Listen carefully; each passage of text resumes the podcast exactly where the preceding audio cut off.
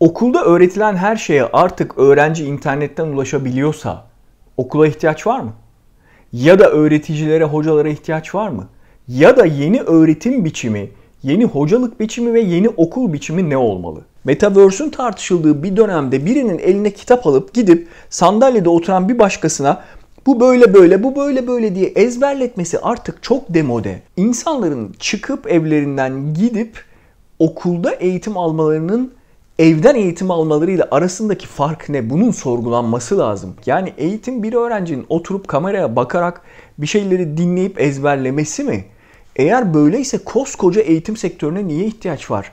Eğitim sektörü sadece büyük bir ekonomi olduğu için mi var olan ve devam eden bir şey? Yani orada bir pasta mı var, bir market mi var? O market bir şekilde topluma hala kendini mi dayatıyor? Yoksa bu markette artık değişme yani bu ekonomik birim ya da biçim yani bu tüketim biçimi de ya da bu üretim biçimi de artık bir şekilde değişmeye, dönüşmeye mecbur kalacağı, zorlanacağı bir noktaya mı geldi ve bunu da belki de pandemi mi zorladı en son hat safhada artık günümüzde. Peki ama iyi hoca olmak ne demek?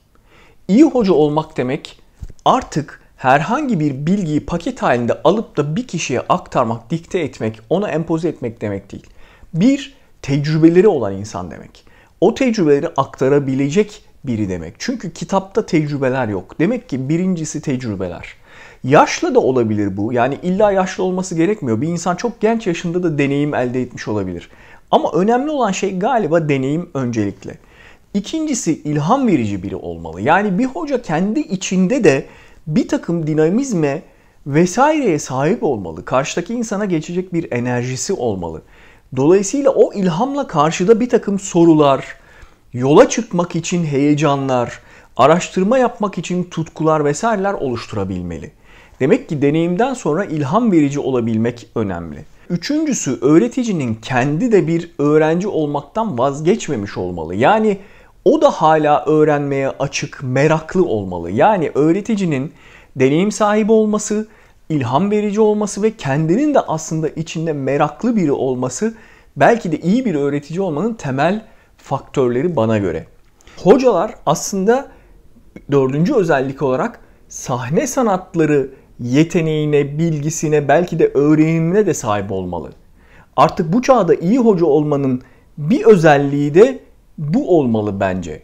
Çünkü başka türlü izleyiciyi cezbetmesi, onların ilgisini çekmesi mümkün değil. Çünkü bugün artık öğreniciler yani öğrenciler yani dinleyiciler hangi yaş grubundan olursa olsun aslında tıpkı sahne sanatlarında olduğu gibi, sinemada olduğu gibi, tiyatroda olduğu gibi, performans sanatlarında olduğu gibi öğreniciler audience yani izleyici, dinleyici kitlesi, öğreticilerse sanatçılardır, performans sanatçılarıdır. Hocanın tıpkı bir performans sanatındaki sanatçı gibi davranarak izleyicisinin, öğrencisinin bir şekilde ilgisini çekmesi ve onu cezbetmesi lazım.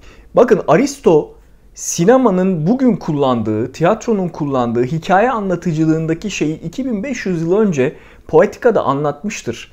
Ve der ki orada izleyiciyi cezbetmek istiyorsanız ona bir hikaye vermelisiniz ve izleyici o hikayenin içerisine girebilmeli, onunla özdeşleşmeli. Burada da sanatçı yani öğretici yani hoca öyle bir hikaye, öyle bir kurgu oluşturmalı ki öyle bir yapı şeklinde onu anlatmalı, öğretmeli ki dersini tırnak içinde konu neyse izleyiciyi cezbetmeli. İzleyici bir şekilde belki de onunla özdeşleşmeli ve o kavramın, o hacmin içerisine girebilmeli. Yani artık öğreticiliğin mutlak şartlarından biri de deneyim, ilham verici olmak, eğiticinin kendisinin meraklı olmasının yanı sıra kesinlikle ve kesinlikle görsel sanatlar bilgisi, becerisi ve yeteneğine sahip olmak. Belki de önümüzdeki dönemde eğiticileri, öğreticileri, hocaları bu yetenek sınavlarına da tabi tutarak işe almak gerekecek. Ivan Illich yıllar önce yazdığı Deschoolizing Society adlı kitabında zaten eğitimi, eğitimciyi, eğitileni, eğitimin formatını sorgulamaya başlamıştı. Ama bu pandemiden sonra eğitim formatı tamamen değişti. Artık veliler soruyorlar haklı olarak. Biz özel okullarda okuyan öğrencilere mesela şu kadar para veriyoruz, bu kadar para veriyoruz. Peki hocam öğrencilerimiz, çocuklarımız bizi dinlerken YouTube'da dinler gibi dinleyeceklerse o zaman Bu verilen paraların ne anlamı var? O zaman eğitim ne demek? Yoksa ister devlet okulu, ister üniversitelerde, devlet üniversiteleri, bunu liseler, ortaokullar, ilkokullar için de söyleyebilirsiniz.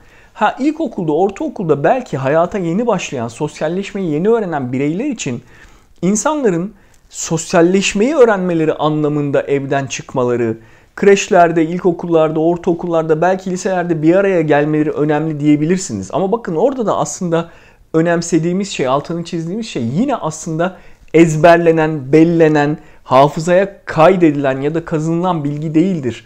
Orada da bahsettiğimiz ve önemsediğimiz şey aslında yine sosyalleşmedir. Yani bireysel deneyimden bahsediyoruz aslında. Peki o zaman bu noktada bu çocukları okul gibi bir yere değil de birlikte sosyalleşebilecekleri bir yere götürüp getirmek de yıllarca aynı sonucu verir mi? Bu soruların hepsi tartışmaya açılmalı, hepsi tartışmalı. Yeni dönemde dünyanın tamamen değiştiği yani artık teknolojinin pandemi sonrasında sadece değil pandemi öncesinde de başlamış olan bir takım 5G'ler, 6G'ler, hafızadan hafızaya kablosuz verinin aktarılabildiği Starlink'ler, Neuralink'ler, SpaceX'ler, e, robotlara vatandaşlığın verildiği, transhumanizmin tartışıldığı, artık insan ve humanoidler arası canlıların günümüzde meydana çıktığı, yapay zekanın Rembrandt'tan daha iyi resim yaptığı, Beethoven'dan daha iyi bir beste yaptığı, yani bunların hepsi tırnak içinde tabii ki nispeten e, haptik algılayıcılarla derin öğrenmenin bu kadar öne çıktığı bir dönemde bunun tartışmaya açılması lazım. Zaten hizmet sektörü aslında bunu yıllar önce yıkmıştı. Eskisi gibi yemek yemek istiyorsanız illa lokantaya gitmenize gerek yok. 7-24 hizmet ayağınıza getiriliyor. Sağlık hizmetleri gibi bir şey için birçok branşta sağlık hizmeti ayağınıza getiriliyor. Hapishanelerde bile insanlar ayaklarına kelepçe takılıp evlerinde bu cezaları yaşamaları, çekmeleri gibi bir takım konseptler içerisinde cezalandırılıyor. Okulda hala öğrenciyi kaldırıp bu çağda bir binanın içine sokup yani Allah'tan üniforma diye bir şey bitti. Neredeyse onu bile devam ettirecek insanoğlu. Kalkıp da yüzlerce, binlerce, milyonlarca insanı, bireyi ve genç beyni bir binanın içine sokup orada birilerinden bir şey dinlemeye mecbur etmek artık çok demode bir anlayış.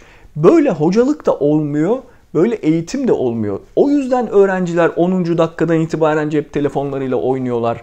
O yüzden hocalar öğrencinin ilgisini çekemiyorlar. O yüzden eğitim diye bir şey bugün aslında çok sorgulanması gerekirken maalesef kutsandığı için, maalesef mitolojik kutsal bir şeymiş gibi böyle inanılmaz tartışılmaz durumda bir yerde duruyor. Ama böyle değil.